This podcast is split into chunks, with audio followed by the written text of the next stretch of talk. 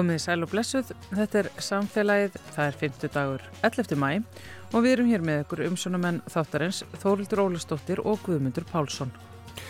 Við forrætnumst um endurvinnslu á veiðarfærum í, í samfélaginu í dag. Hampiðjan sendir árlega uh, mikið magn af veiðarfærum sem ekki eru lengur í nótkun úr landi í endurvinnslu og þetta er að miklu leiti veiðarfæri úr nælonefnum en líka málmar og gummi Georg Hanæ er umhverfistjóri hampiðunar. Hann ætlar að segja okkur meira um þetta. Þegar krabbamenns meðferð líkur gera sjúklingar og aðstæðendur ofta ráð fyrir því að hilsan verði aftur eins og hún var áður en krabbamennið grindist. Það er þó ekki raunin hjá öllum. Margir búa við andlegar og líkanlegar aukaverkanir af völdum krabbamennsins eða meðferðarinnar sem geta haft mikil áhrif á líðan fólks. Krabbamennsfélagið vill taka betur utanum þennan hóp og við ætlum að ræða við sérfræðing hjá þeim, Vítísi Guðmundsdóttur, um áskorunir þessa hóps og hvaða eftirfylgni þau þurfa. Bryndis Martinsdóttir flytur okkur svo umhverfispistil í lok þáttar en við byrjum á endurvinnslu á veiðarfærum.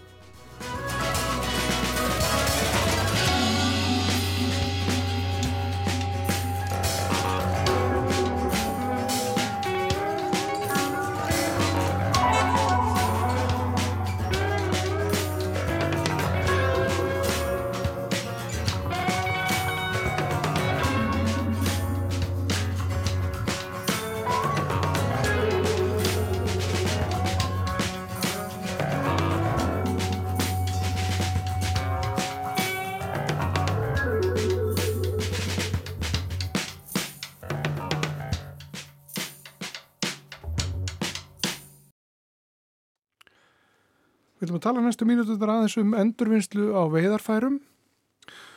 Það er nefnilega þannig að eh, hampiðjan uh, lætur endurvinna tölvert mikið magn af veiðarfærum og hann er sestur hérna hjá mér Georg Hanæ, hann er umhverjustjóri hampiðunar. Verður velkominn til okkar. Takk fyrir, minn áni.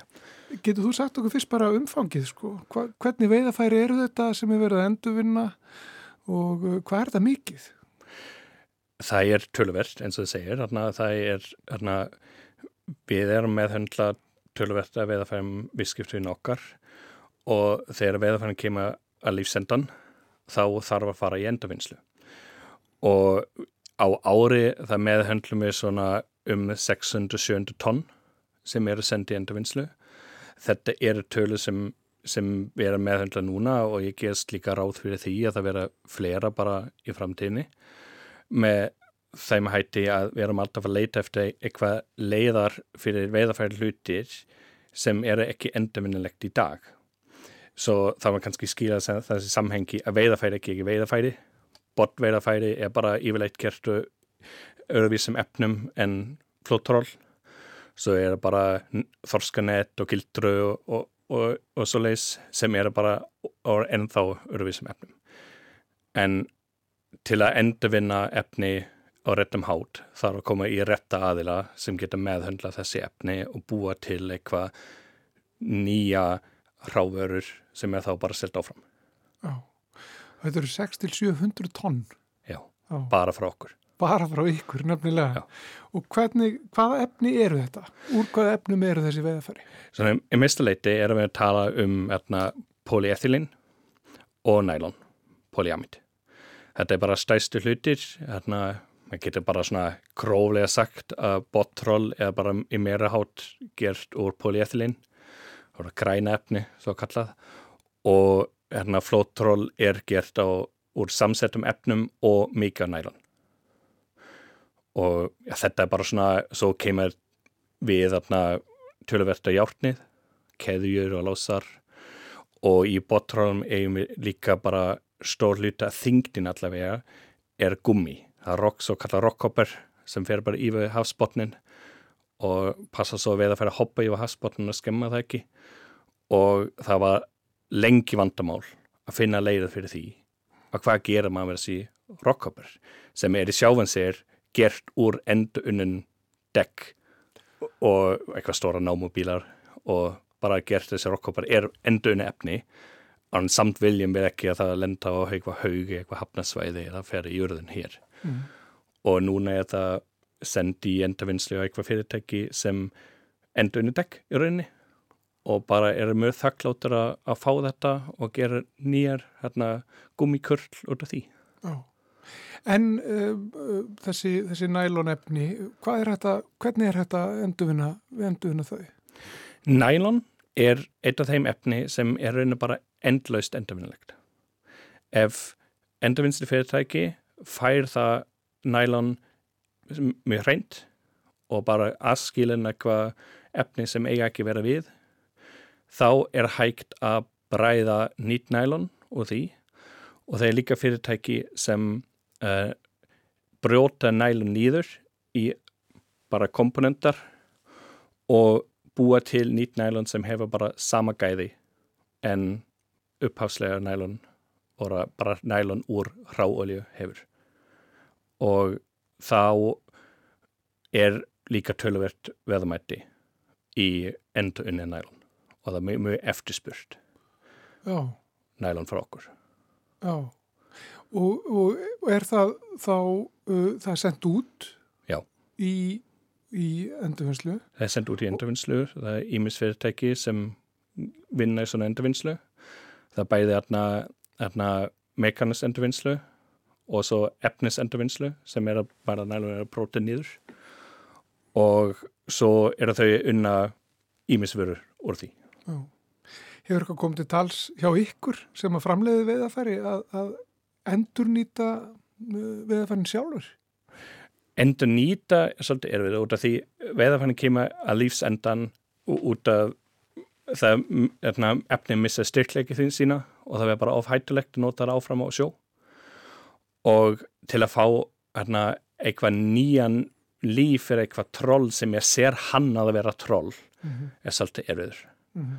og ég held bestafarfin er að finna eitthvað fyrirtæki og segir, þá er til út af heiminu fyrirtæki sem er einbætið sér sérstaklega í því að endurvinna veðafari og kunna þá bara með þeim eiginleika sem til dæmis aðna bottról og p-efni hefur ja. og præða svo nýja plastkulur til því sem enda í ymsum verum í nýja bílar eða bara alls konar verður þarna garð, garðstólar eða maður getur bara auksa sem allt sem er hægt er sem er bara kannski það sem kannski gæðin skiptir ekki helstu málið eins og það skiptir okkur í þræðum en í veiðafæri, við viljum okkur styrkleika í þræðum já. og sjómenn vilja hágæða veiðafæri og þá skiptar kannski málið að bara passa alveg upp á þessi þræðu uppfyllar þessi kröfur sem það ægja að gera mm -hmm. en ekki alla plastvöru þurfa að vera með, með svona hágæða. Og út af því er bara svona veðafæri notað í, í teppi fullt af te teppum hérna um allan heim er það bara gert og eitthvað undunum veðafæri og í bílainrættingar og, og slikt. Og þetta er mikið magn? Það er mikið magn. Ekki á móti hérna, það sem fellar til hérna, í almenningssorp ef við, við erum að tala um það, það er bara það er bara allt annað mm -hmm. en við hjá okkur fellur til stór magnið að sama efni Verna, í blandara plasttunnu hjá þeir heima það er alls konar efni verna, sem er allt planta saman í, smáum hlutum og hvert umbúð er ekki, er ekki eins. Og hjá okkur fyrir til nokkur tonn í einu. Já, og það er vitað alveg hvað það er Já, við vitum alveg hvað það er Já, emitt Já, eru einhver lífránefni sem er hægt að nota í, í veðafari það var náttúrulega, þetta, þú vinnur hjá hampiðunni Já. Það, ég meina uppháslegar og þess að segja bara nafnin benda á því, voru veðafari gert úr hampið og sísal eða bara þegar maður náttúrulega efni. Og það eru ímisverkefni í gangi um allan heim til að skoða hvað er hægt að gera. Er hægt að, hvernig er hægt að gera veðafæri endurvinlegar og hvernig er kannski hægt að búa til veitafæri sem er nýrapótalegt. En mest af þessi verkefni er bara frumstigi og við það sem við erum að bjóða fram þarf að uppfylla svolítið skilæðis og það hefur líka mikið að gera við örgismál út á sjó. Það vildi ekki troll sem slitna eftir vera, vera nótgóðan tvísvar. Það er svolítið hættulegt og svona nýjasta trollin okkar sem teika bara nokkra hundra tonn í einu í pókan þá erum við bara, þurfum við bara að passa upp á því að það springa ekki þegar að vera hýft inn og svona það þarf að finna jafnvægi millir gæðana efnum og finna leiðir til að endurvinna efnum betra og svo þá maður skoða er kannski sumur hlutir bara af eitthvað veida færi bara er hægt að byrja aftur að nota eitthvað efni sem er nýttuborðanlegt mm. í verðístíman en það sem þarf að gera líka er að passa upp á veiðafærin enda ekki í sjó og að vera ekki tapað út í sjó eða bara fjúka frá hafnakantin þetta er líka hluta verkefninu.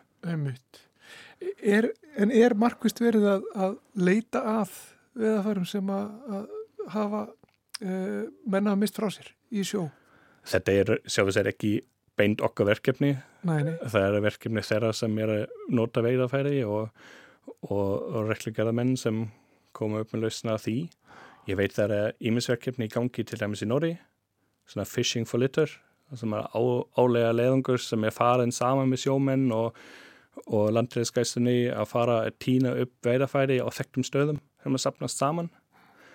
Uh, ég veit ekki um slikt verkefni hér í Íslandi en það eru svæði uh, sem eru þekkt fyrir að veðafæðinu sapnast saman en líka svona eitthvað hlutir í sjó geta reyka langt, eitthvað sem þau missa hér á Íslandi sjó geta enda við strandin í Kanada eða eitthvað gammal tróð frá Rúslandi geta reyka upp í strandum okkur mm -hmm. það er ekki bara beint sagt að þú finna veðafæðinu aftur eftir að tapa það mm -hmm. En eru þau endurfinnalega ef þau hafa verið lengi í sjó? Þetta er verkefni sem við erum líka tengjast í til að finna, finna út hvernig það er hægt? Ef það bara festist millir sandur, millir þræður hérna í veðafærum það gerir það mjög erfitt allavega í mekast kanniski endurvinnu að búa til eitthvað ný hráefni sem er notalegt mm -hmm. og það er, það er erfitt en það er mögulegt hægt að finna leiði til að setja eitthvað þotta vel að ná trullana út. Það teika meira orku og meira vatn og meira tíman og já, meira kostnadur en það er hægt og það er líka mikið áhersla um allan heim og því það fellur svo mikið til. Og sumast transvæði á Íslandi það fyllist bara eina vík bara innan ás aftur eftir hún er reynsað. Mm -hmm. uh, Hva, hvernig hefur þróunin verið í, í veiðafærum og, og hvernig er þróunin sko með tilliti til umhverfsmála? Á, á, hvað, eh, hvað, á hvað horfa framleiðendur veiðarfæra? Þeir vilja lámarka umhverfsáhrifin af eh, veiðarfærum sem framleiða. Já, þessi, það er svona, svona tvískipt í raunni, bara með betra gæði að veiðarfærum, endist lífstími þeirra og þegar lífstími þeirra endist lengra þá er í rauninu bara minna ráefni notað í því og svo er líka horf til hérna ólíunótkun skipa. Með svona velhönnuð veidafæri getur þú minga ólíunótkun skipa svona það, hana, það teka ekki jafn mikið kraftur að draga veiðafæri gegnum sjón. Með því þarf minna velar til að draga slikt veiðafæri er að þú geta dreyið bara stæri veiðafæri með hérna sama skipi. Og með því veiða þú bara á eina ferð meira fisk og er þá minna tímar út að sjó til að ná sama afli. Og það líka bara með það bara að tala inn hérna siklingatíma á veiðislóðu tilbaka og uh, það hefa áhrif á umkerfið og, bara, og heldur kólöfnislósun veiðiflótans Og svo er kannski þriða þætti í því að hann að vera að færa þannig að hún ser endurvennlegt. Að bara minga nótkun bland, blandara efna og bara nota bara þá efni sem eru endurvennlegt og eru náusenlegt fyrir þá verkefni sem þessi tróðulega sinna. Mm -hmm.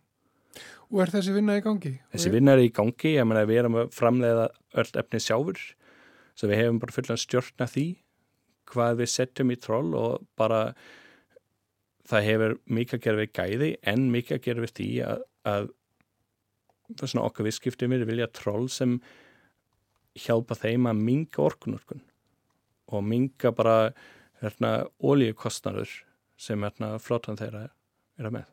Og þetta er umhverfistættir Þið, uh, þið sendið frá okkur umhverju skýslur, er það ekki? Já, við gefum út, út umhverfiskíslu sem kannski getur verið betra og við, getum bæst í því og það er í þróun og það er í gangi en við viljum bara allavega upplýsa um, um það sem er að senda intervinnslu við viljum upplýsa um það sem við gerum líka ég menna það er ímis sem við sendum intervinnslu sem hefur ekki, ger, ekki að gera með, með veðafæðin sjáfur en bara með, með, með verkefnin og framleysla okkar hér á landi Já. og í þessi og við reynum líka bara að reikna kólpnisborun fyrir textins mm -hmm. Og þá það inn í falin er bara það sem er, er gert hér á Íslandi okkur stafstöðum En ef við horfum á þetta sko svona þið eru að framleiða eh, vöru úr plastefnum sem er kastaðið hafið. Og, og eh, stundum, eh, stundum missa með frá sér þessi veðafæri sem við framleiðið. Það verður til þegar að, að þau nótkunn þessari þessari vöru sem þið framleiðir er hægt, þá þarf það að komast í endurvinnslu. Sko, eru þið að taka alvarlega uh, ykkar svona, ykkar ábyrg bara í þessari framleiðslu? Myndur þú telja það? Þetta er okkur ábyrgð og við er, erum bara að setja okkar sjá þessi markmið að komast öll sem er hægt að komast í endurvinnslu endurvinnslu og við erum stanslausti verkefni með utankoma aðlar, með rannsóknarstofur, með fyrirtæki sem innbeita sig í endurvinnslu að finna betra farveg og bara loka ringin. Það væri bara það besta ef í lókinu getum við nýta þá efni sem kemur í gegnum endurvinnsla og setja það aftur vextmiðan okkar og búa til nýtt veðafæri. Uh, við gerum það að luta til, þarna í vextmiðan okkar litáin er bara eitthvað svona nokka prosent í framleyslu sem fellur til, þarna, sem er ekki hægt að nota í veðafæri geð sjáfur og það bræðum við nýður og búa til nýja þræður og setja það aftur í, þarna, í endurvinnslu. Svo það fer ringin þar og viljum líka að við, að það vera hægt að gera það með veiðafærin sjáfur sem kemur bara frá visskipsjón og tilbaka og það væri bara ágært að nota hluta til aftur í nýtt veiðafærigerð. Þannig að þetta eru, þetta eru mál sem þið tekja alvarlega? Þetta er mál sem við tökum alvarlega en við hefum líka búin að skuldbind okkur uh, í hefnum samningar sem SFS gerða með Ólfundsesjóð að herna, við myndum sjáfur útgeðamenn, veiðafæraframlendur myndum bara sjá sjáfur um það að öll sem hægt sendi endurvinnslu, kemur í endurvinnslu og þetta samningur er ennþá í gildi og vera vonandi framlengt út af því það, þetta hefur bara uh, skapað svo miklu einbettingur í þessi verkefni. Og ég held við værim ekki á þann stík sem við erum núna í dag að við höfum bara endurvinnslafæri fyrir flest, flest lutir að veidafærum og vinna í þá lutir sem er en þá í svona í býðstöðum, við erum aktíft að vinna í því og bara markminn er að allt kemur í endurvinnslu og svo við getum kannski ekki koma beint í veik fyrir því að einhverja smá lutir af veðafærum er að mista út að sjó. Við getum bara kannski koma veik fyrir því með betra hönnun og betra gæði af veðafærum sem við reynum að selja okkar visskiptavinnir en það sem kemur tilbaka er allt meðhundluð og send í eitthvað viðeigandi fyrirtæki sem annarkvort flokka verðafæri eða setja þetta beint í endurvinnslu og búa til nýja ráurefni út af því. Já. Sko ljúka þessu svona, Georg Hanæ, umhverjastjóri Hampiðunar. Eh, takk fyrir að koma til okkar í samfélagi og segja okkur frá endurvinnslu og viðafæri. Takk fyrir.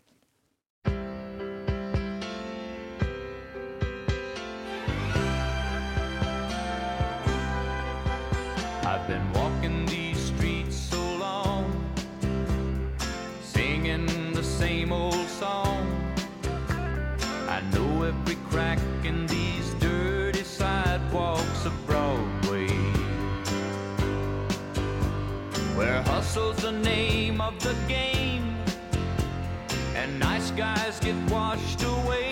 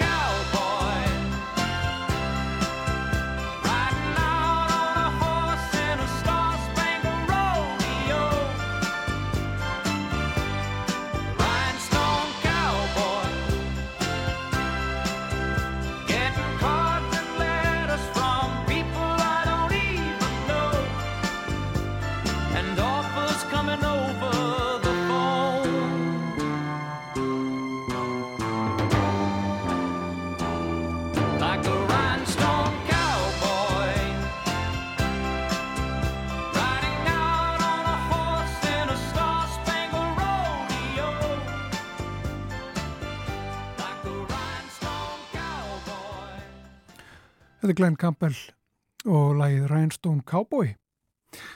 En áfram veginn, meira framöndan í samfélaginu. Lífið eftir krabbamein, langvinnar og síðbúnar afleðingar. Þetta er yfirskrift á málþingi á vegum krabbameinsfélagi sem haldi verður á morgun förstu dag og við ætlum að skoða aðeins hvað þar er á dasgrá. Sérstaklega að eh, ræða um, já, hvernig þetta er eftir að krabbaminsmeðferð líkur við hverju geta sjúklingar og aðstandendur búist við. Hún er sest hjá mér Vigdís Guðmundsdóttir, hún er sérfræðingur hjá krabbaminsfélaginu. Sælverstu Vigdís. Hvað er sæl? Þú ert að, eh, já, taka yfir aldrei svona, eh, hvað ég var að segja, svona nýtt sviðnánast hjá krabbaminsfélaginu sem er einmitt þessi eftirfylgni, eftir að krabbaminsmeðferð líkur og fólk er útskrefað en þá kemur annað líf sem að þið viljið eh, skoða og, og halda betur í hendurnar á fólki með.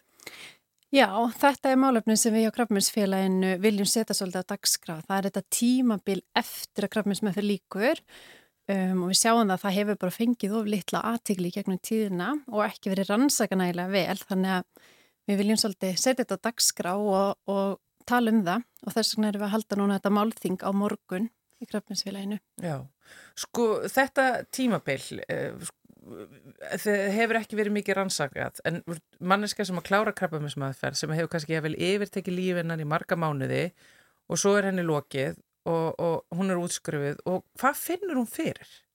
Það er alveg rosalega misjáft og það er þannig að sumir klára krabbaminsmeðferð og halda séðan bara áfram með lífsitt eins og ekkert að við skorist. Ja. Bara fegnir að vera búið með þetta. Sumir finna fyrir einhverjum litlum breytingum en, en ná að halda lífinu áfram nokkurn veginn eins og áður en svo er ákveðin hópur sem er að eiga við einhvers konar síðbúnar aukaverkanir eða langvinnar aukaverkanir.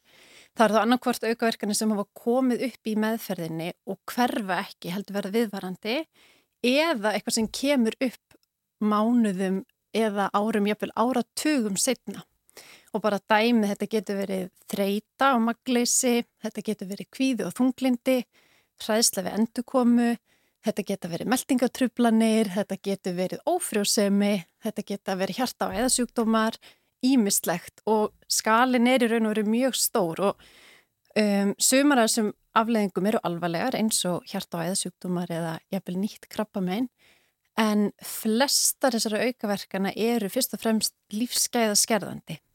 Þannig að, já. Það, það kannski þá, þá alltaf leiðilegt að segja það en þó krabbamenni fari að þá er það einhvern veginn samt yfir þér. Allavega fyrir ákveðin hóp, já. Já. já. Og það kemur mörgum á óvart. Það eru margi sem tala um þér hafi bara hreinlega ekki verið undibúnir, ekki hyrst neitt um að svona aukaverkinir gætu komið og gætu haft svona mikil áhrif á lífið eftir á. Já, og þetta líka náttúrulega bara svolítið meðina sjúkdóm mm. uh, að því að fólk orðræðin er svona, fólk fær þennan sjúkdóm og það verður óttastlegið en síðan er að berjast í gegnum þetta og það talað um að bara við ætlum að komast hérna fyrir hornið, við ætlum að hrista þetta af sér, ég ætlum að verða að mm. krabba með slaus en einmitt, það er einhvern veginn, það er ekki endastöðin endilega. Nei, ekki fyrir alla og Já, það er þannig á Íslandi við vitum raun og verið ekki hversu stór hópur þetta er, það hefur ekki verið rannsakað um, en ef við skoðum til dæmis löndin í kringum okkur þá tala Danir um að þessi rúmlega helmingur þeirra sem klára krabbminsmeðferð sem ávið einhverjum svona langverðar eða síðbúnar aukaverkanir eftir meðferð. Samar í bandaríkjunum, eh, Noregur talar um rúmlega 30% þannig að þetta er nokkuð stór hópur Já, og þá er náttúrulega sko algjörlega eitthvað sem við þurfum þá að fara að huga að, að grípa þennan hóp. Mér meina, hvað eru Danir og normin að gera til dæmis fyrir þetta fólk? Sko fyrst og fremst hefur náttúrulega umræðan aukist mjög mikið, við sjáum bara síðustu 5-6 árin hefur orðið mikil breyting í Danmörk og Noregi. Um, það verið settar að uh, á stofn svona rannsóknarsetur til að skoða hvað er þetta að gera til að fyrirbyggja þessar aukaverkanir, meðhöndla þær Um, það var líka verið settur og stofn sérstakar deildir fyrir þá sem eru eiga við fjöldþættan vanda sem eru hamlar fólki mikið í daglegu lífi. Þannig að fólk getur komið, þetta eru deildar innan krabbaminsdeildana, þannig að fólk getur komið og hitt krabbaminslækni og fengið einhverja, einhverja hjálp um, til að bæta lífið og lífskeiðin um, og svo er þessi bara almenna svona vitunda vakning þannig að fólk mæti meiri skilningi í samfélaginu frá vinum og fjölskyldu, frá atvinnureikundum Um, já, þannig að fólk sé ekki einhvern veginn að burðast með þetta allt eitt. Já. Þannig. Sko, e, e, skoðum aðeins betur hérna svona kannski svona þessar faldari afleðingar. Mm. Þú talar þarna um sko kvíðan og, og þunglindið og, og, og þreytuna. Mm -hmm. uh, allt eitthvað sem að kannski sést ekkert utan á fólki sem að glindi kannski við krabbaminn fyrir mörgum áru síðan og bara það er bara, fólk heldur bara þetta sé í fortíðin og svo kemur þetta allt í unni yfir þau og tengist á gamla krabbaminninu. Já og það það sem er, þetta er oft mjög falið og við hefum hyrta til dæmis frá fólkinu við krabbaminsfélag sem segir það er allir að segja lítið svo vel út ég hef komið hárið aftur og, og einhvern veginn, þið hlýtur að líða vel en svo, svo líður fólki kannski ekki dendilega svona vel. Þess, og þetta er einmitt, eins og segir, oft mjög falið og það getur verið erfitt fyrir fólk að útskýra já, ég lít vel út en mér líður bara alls ekkit náðu vel.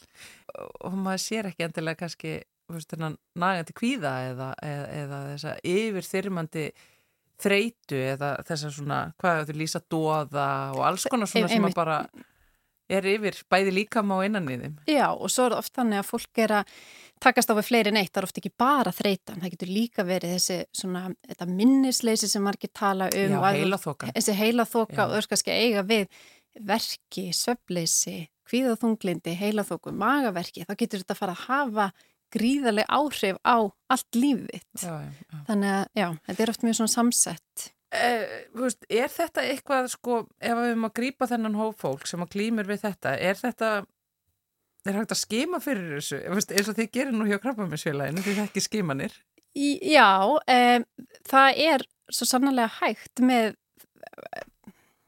með einhvers konar spurningalistin, það þarf að þróa það. Uh, tengt útskrift frá sjúgrási, útskrift og meðferð verður mögulegt að skema fyrir ekki bara endurkomu krabba, menn setur líka þessari líðan mm. og að skoða þá hvaða hóp þarf að grípa og aðstöða frekar.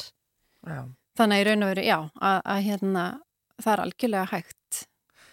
Svo eru náttúrulega líka innan krabbaminsfélagið eh, svona mikið félagsstarf og hópar sem mm. að veist, halda sér saman eða jável löngu eftir útskrift sko og, og löngu eftir að, að krabba sem það fyrir líkur og það mm. er veist, þetta jafningasamtal, veist, það hefur líka vantarlega verið að reynast mjög vel varðandi þetta, get ég mynda mér. Já, og svo höfum við líka talað um, við sjáum í Danmörku, er, er sérstakt félag fyrir fólk sem er að eiga við síðbúnar og langunar aukaverkanir. Já. Og það eru svona, það er fólk, já, sem hefur tekið sér saman og er hagsmunasamtök og er að berjast fyrir einmitt þessari vitundavakningu og þau eru að gefa út fræðslefni og halda fyrir lestra og, og berjast fyrir aukinni þjónustu fyrir hennan hóp. Þannig að það er eitthvað sem var hægt að skoða hér. Já. Mm. Að koma saman og, og ræða málinn, tala um veist, hvernig það er að lifa með líkama sem hefur farið í gegnum erfiða krabbaminsmeðferð. Mm. Eh, sko, varðandi það að hafa fengi krabbaminn, mm -hmm. er óttast ekki allir það að þeir fáið aftur af því að tölfræðin er náttúrulega þannig að líkurnar eru meiri mm. er það ekki kannski það versta? Jú, ég held að þessi ótti við endur komi krabbamenns sé mjög algengur og hann er líka mjög eðlilegur um, og flestir óttast kannski mest fyrst eftir að krabbamennsmeðfrinni líkur en hjá mörgum svona dopnar það með árunum En það er þegar að óttin er einhvern veginn farin að taka yfir, þegar þú ert farin að fresta hlutum að þú ert svo hrættur eða þegar það er farin að hamla þér í daglegu lífi, þegar þetta er farin að taka yfir að þá er þetta orðið vandamál sem þú þarf kannski að fá hjálpið. En það að vera með þetta alltaf bak við eirað, sérstaklega ef, ef þú lendir í aðstæðum sem minna þig á krabba minni, þú ert að fara kannski í brjóstaskimun eða þú ert að keira fram í spítalanum eða þú heyrir um einhvern sem hefur greinst með krabba minna, þá er mjög eðlilegt að þessi ótti komi upp en það er þetta þegar hann er farin að taka yfir að þá, þá ætti að grýpa inn í og, og gera eitthvað í málunum. Já, mm. sko eru, sko eru, eru ætti þá útskrifa krabba með sjúklinga með þeim sko ef það er hægt að gera einhver svona gátlista og einhver svona mm -hmm. smá eftirfylgni og, og, og og það þurfti þá vantilega nesta bæði krafamsjúklingarna og jáfnveil aðstandendur þá með bara einhverju svona bara ef þið takja eftir þessu þá þarf að gripa til þessa verið þið vakati fyrir þessum enginum Það er akkurat það, það þarf þess að fræðslu bæði mitt til krafminsjúklinga og aðstandenda að vita svona einmitt hverju átt að vera vakandi fyrir, hvað er eðlilegt og hvenar ættiru að leita þér hjálpar. Það er mjög, mjög mikilvægt. Já, mm. en svo hefur maður líka sko heyrt krabbaminsjúklinga hérna, sem eru, eru kominir í bata og eru, veist, eru jáfnvel búin að losna við krabbaminnið finnaði mitt líka fyrir þessu veist, annað sem að svona, maður hefur hefði lýsað að böggið þetta alltaf svona, veist, bara þú ert hetja mm -hmm. og þetta með lífið er núna og, og hérna, veist, og maður, núna kann maður að meta allt svo miklu betur en, en þau eru kannski bara einhvern veginn eins og allir aðri bara að díla við hverstægin og, yeah. og eru pyrjuðu umferðinni og og þreytt og, og, og brauður sem þeir að baka klúrast og veistu, ég, veist, þú ert ekkert einhvern veginn alltaf bara eitthvað þetta er andartækið mitt. Veist, þessi mikla pressa á að elska lífið svo rosalega mikið og heita því að þú hefur séð veist, eitthvað annað, þetta er svo mikið pressa. Þetta er um því rosalega mikið pressa og við hefum hýrtað eins að það eru margir sem finna fyrir því að aðeins, þegar ég helst bara fara og lappa upp á en þá hæri fjöllin þeir hafa lappað á þur og, og gera eitthvað stórkostlegt. Já, því að þú er sigrast á þessu en það eru þetta, sumum líður eflust þannig og Já, það er frábært. Ja. en það er ekki þar með sagt að öllum líður þannig og þetta getur verið örgulega íþingjandi pressa að, að, hérna, að því að tilfinningarnir eru þetta bara alls konar og svo er fólk að eiga við alls konar hluti þannig að, að hérna. Já, kemur náttúrulega ekki kannski með einhverju ofurhetju eiginleika úr krabbaminsmeðferð það er bara, ég minna þú endar bara á því að halda áfram að borga reikninga og, Hugsum og þurfa að skuttla Já, þetta já. er nefnilega já, já, það er nefnilega svo margar svona ólíkar hleðslur í kringum hennar sjúkdóm og í kringum þessa meðferð og, og kannski líka um þetta í kringum viðhorfu og orðuræðu uh, samfélagsins sem að er já, geta verið svona tvíbent sko, hvernig það, hvernig það fer. Einmitt. En það er eitt sem er mikilvægt að minnast á í þessu samengi er að, að þó við vitum ekki nákvæmlega hvað þetta eru margir í dag að þá vitum við þá á, ár, á næstu árum mun krabbamins tilfellum fjölga mjög mikið. Og það er aðalega því að aldursamsetning þjóðarinnar er að breytast og það er líka út af mannfjöldathróun en og svo er líka krabbamins um, greiningum og meðferðum að það er að verða betri og betri og árangusríkari og það þýðir að fleiri lifa af og lifa lengi. Og það þýðir líka að þessi hópur sem er að eiga við síðbúna langunar aukaverkanir er að stækka og hann mun stækka mjög mikið á næsta áru og það gerir veru ennþá brýtna að bregðast við og auka þekkinguna og auka einhvers konar úrræði fyrir fólk. Og það er þitt hlutverk innan krabbaminsfélagsins. Þú þú ert svona að starta þessari vekkferð, þessum hluta í ykkar vinnu uh, eftir fylgninni og, og, og, og þessu. Hvern, það verður alltaf verið að gera það. Nei, nei það, það verður alltaf verið mitt hlutverk núna að byrja já, að skoða þetta og reyna að setja þetta á dagskrá en svo verður það alltaf bara gert í samfunni við aðra. Það er líka mikil vinna á landsbítalanum, veitu við, og það eru ímis framfara skrif þar. Vantanleg þannig að þetta er náttúrulega, þetta er, er okkar svolítið, við hefum verið að reyna að benda á þetta og, og sína að þörfin er, er mikil. Mm -hmm. Svo, ja. Já, en mm. veist, af því að þú segir líka þessi tölfræði, sko, það, er svo, það er svo mikið synda að, sko, að hjálpa þessu fólki ekki áfram að því að, veist, mm. ef, þú, ef bara heilbríðiskerfi leggur í krabbaminsmeðferð og skilar einstaklingnum veist, sem er enþá mjög brótættur mm. hérna, veist, ef það er ekki aðeins bara stutt við að þá getur þetta enda svo illa ef, ef, ef, ef þetta fer illa Já, en það er einmitt eitt erindið á málþinginu að þá ætla Rannveig Gilvardóttir eh, frá brjóstamiðstöð að segja okkur frá nýju verkefni sem þau eru að þróa sem fjallar einmitt um það hvernig fólki er, fólk er útskrifað og hvernig því er fyllt eftir um, þannig að það verður spennandi að heyra um, hvaða nýju skref þau eru undirbúa þar. Já, mm. og svo er uh, Þorri Snæbjörnsson, sálfræðingur og teimistjóri ráðgjáður stuðnings líka þarna að, að fara yfir bara hvað skjólstæðingarnir er að segja. Já. Þetta eru alls konar reynslur og upplifanir. Akkurat. Og, og, og einmitt, uh, svo er líka barnaspítalinn þarna að, að, að fara yfir svona sína reynslu og, og hugmyndir. Já. Þau, hafa, þau settu uh, að stað árið 2016 miðstöð fyrir síð búnar afleðingar uh, þeirra sem greinast með krabbamenn sem börn. Já. Þannig og það eru svona aðeins önnur vandamáli eða áskoranir sem, sem að mæta þeim sem að greinast með krabbamenn sem börn. En já, það verður fróðlegt að heyra þeirra reynslu. Mm. Þau var ekki þetta núna í 6-7 ár. Já. Já. Mm. Sko, bara aðeins að lókum við þess að því að hérna, krabbamenn náttúrulega fylgir okkur mannkyninu og hefur mm. mikil áhrif á okkur og, og, og skýtur sér niður á, á, á allan aldur um, og er einmitt það verða fleiri krabbamennsjúklingar eh, hérna, í framtíðinni og fólk sem hefur lifað af krabbamenn, það mm -hmm. er mhm. bara út af því hvernig allt er að þróast hérna með okkur, mm -hmm. betri greining og herri lífaldur og hvað eina.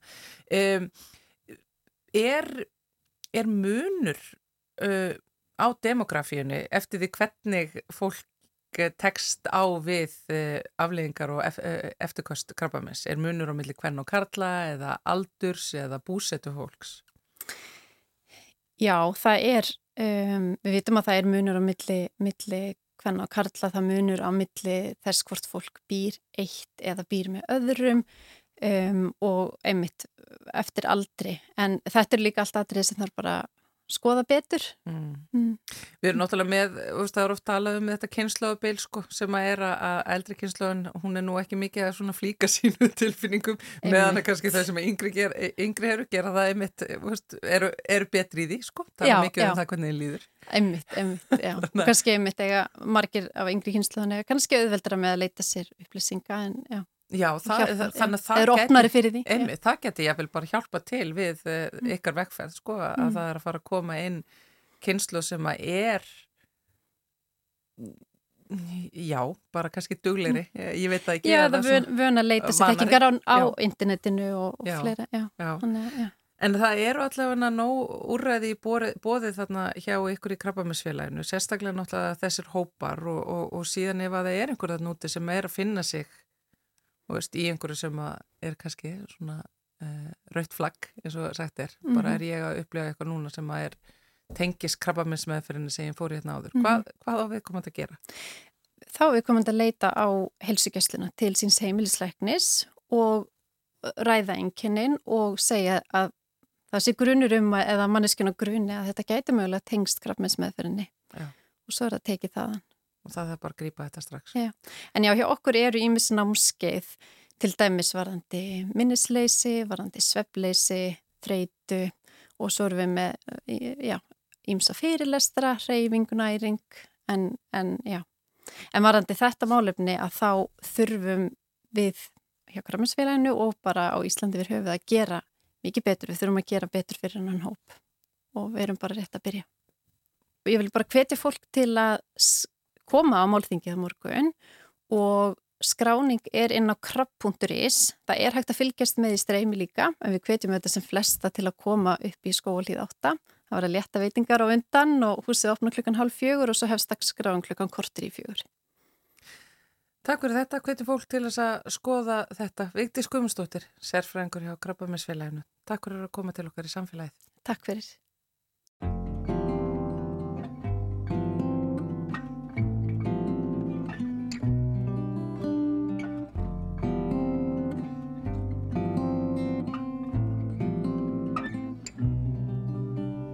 Spinning, laughing, dancing to her favorite song. A little girl with nothing wrong is all alone. Eyes wide open, always hoping for the sun. And she'll sing her song to anyone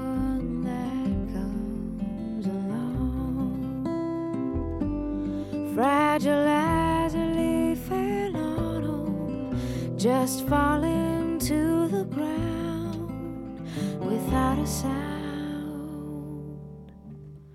Crooked little smile on her face tells a tale of grace. That's all.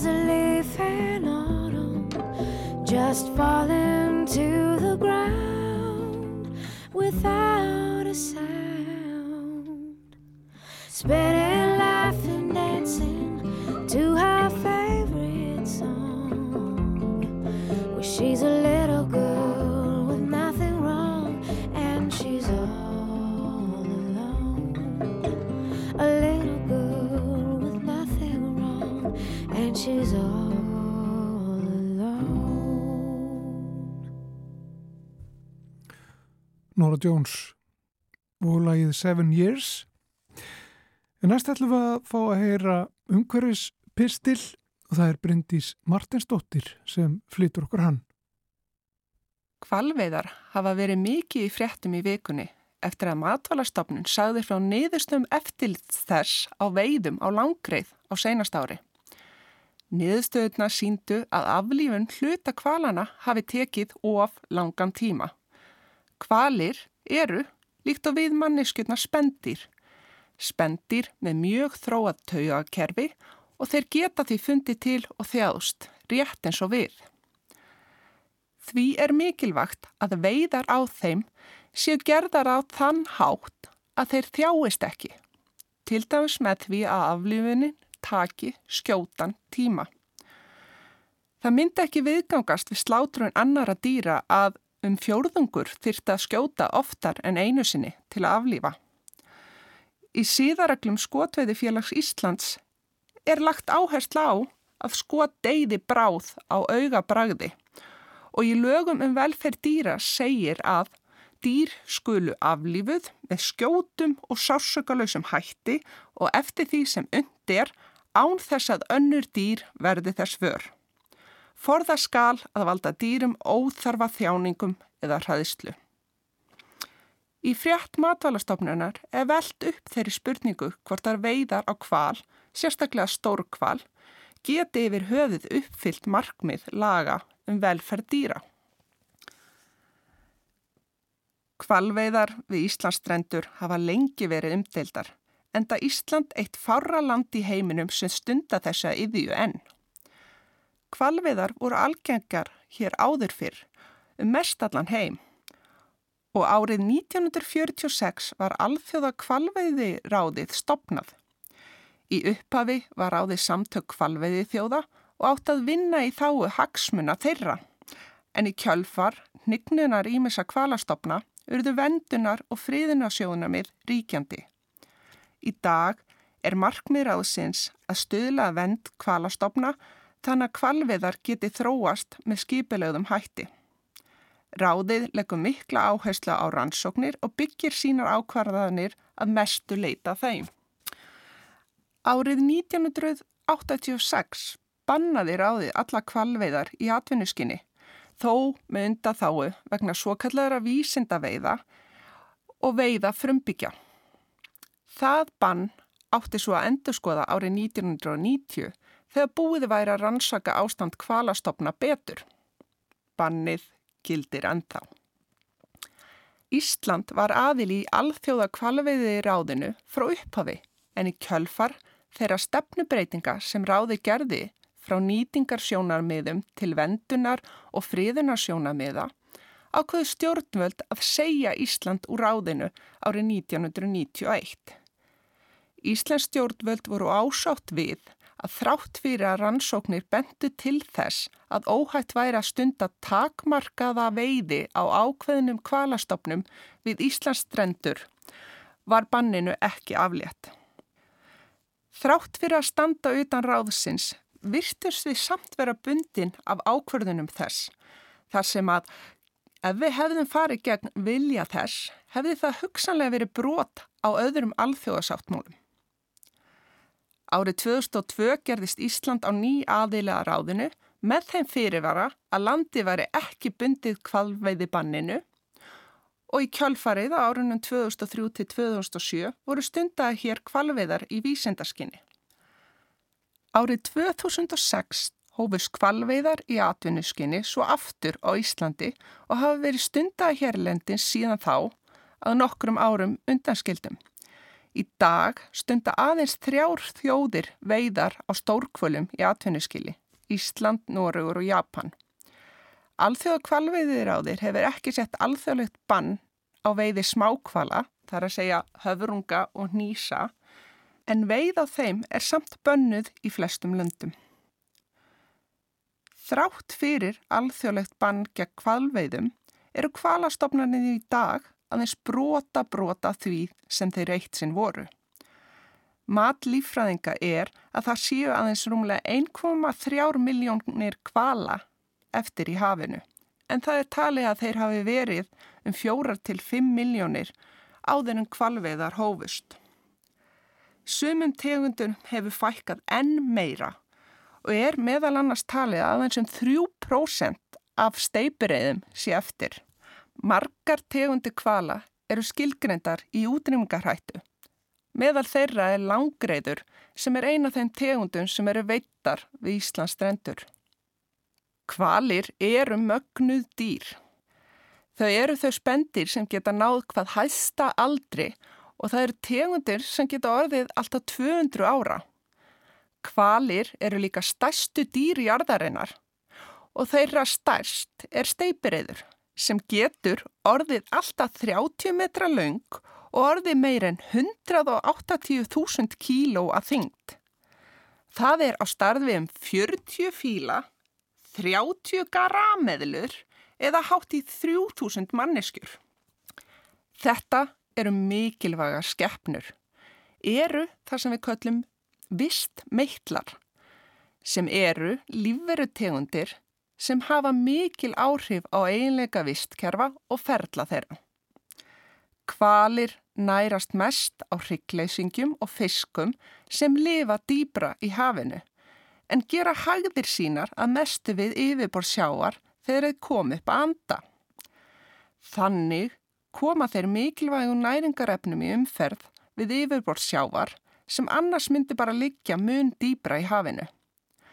Með því hjálpa þeir þeim mörgu sjávardýrum sem lifa og nærast í efri lögum hafsins.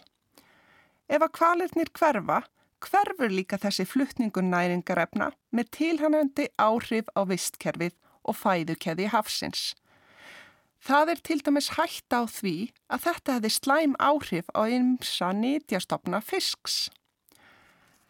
Hvarf kvala hefði líka áhrif á landvistkerfi þar sem að dýr og fugglar sem sækja fæðu sín í sjóin myndi verða fyrir áhrifum sem hefur svo áhrif á aðra lífverur á landi. Vistkerfi jarðar eru nefnilega flókið og viðkvamt net lífvera og ferla, net sem getur raskast ansi mikið við það að ein tegund dettur út. Vissu þið svo að kvalir gegna mikilvægu hlutverki við að ná kólefni úr andrufsloftinu? Hver stór kvalur bindur að meðaltalum 33 tonn af koltvísýringi á lífsleðinni. Meðal Íslendingurinn losar um helmingi þess á hverju ári. Þegar kvalur drefst, sekkur hann á hafsbotn og það kólefni sem var bundið í líkama hans fer inn í vistkerfið í djúpi hafsins. Það geta svo liði mörg þúsund ár þar til að það kemur upp og lendir í andrúpsloftinu á nýjan leik. Með því að færa næringarefni að hafs yfirborðinu eins og rætt var um hér á undan eru kvalir líkað miðla næringarefnum til plöntusvifs, smásæja lífverra sem lifa á yfirborði hafsins og eru mjög áhrifarík bæði við að fanga kólefni og losa súrefni. Þannig eru kvalir mikilvægir í baráttunni gegn loftslagsbreytingum. Ónefndur ráþera sagði í fréttum í gær að honum þætti siðferðislega réttleitanlegt að stunda sjálfbara kvalveðar eins og aðra veiðar. En það þyrti að vera efnahagslega skinsamlegt. Sjálfbarni er í eðli sínu þverfaðilegt viðfangsefni sem felur í sér að það þarf að taka tillit til náttúrunar og umhverfis, félagslegra þátta og efnahags. Þannig að ef kvalveðar eru ekki efnahagslega skinsamlegar, geta þær ekki verið sjálfbærar. Svo einfalt er það. Sölupunktur fyrirtæki á Íslandi er oft sá að þau séu góður kostur vegna þess að við séum umhverfisvæn þjóð með fallega náttúru. Kvalveðar skada þá ímynd sérstakla í ljósi þessara nýju gagna. Eru þessi kvali sem veitir eru að skapa svo miklar tekjur fyrir þjóðabúðið að það er þessi virði að taka áhættu um orðsporið. Það er oft litið að það að venda stór, heillandi dýr eins og kvali sem eins konar góðgerðastarf sem einstaklingar og stjórnvöld vinna í þáu náttúrunar. Vendun kvala er því líkt á önnu náttúruvönd oft lituð þessum rómatíska ljóma. Ljóma sem gefur til kynna að þetta sé eitthvað sem er fallegt að gera en kannski ekkit nöðsynlegt. Í mínum huga snýst vendum kvala eins og önnu náttúruvend ekki um einhverja romantík. Heldur bara skinnsemi. Þó að það sé kannski ekki eins heitlandi. Við þurfum að venda náttúruna, ekki bara náttúruna vegna heldur einfallega til að tryggja vend og viðhald mannkynsins. Saði Bryndís Martensdóttir í umhverfispistli sínum og uh, lög með honum uh, samfélagi dagsins.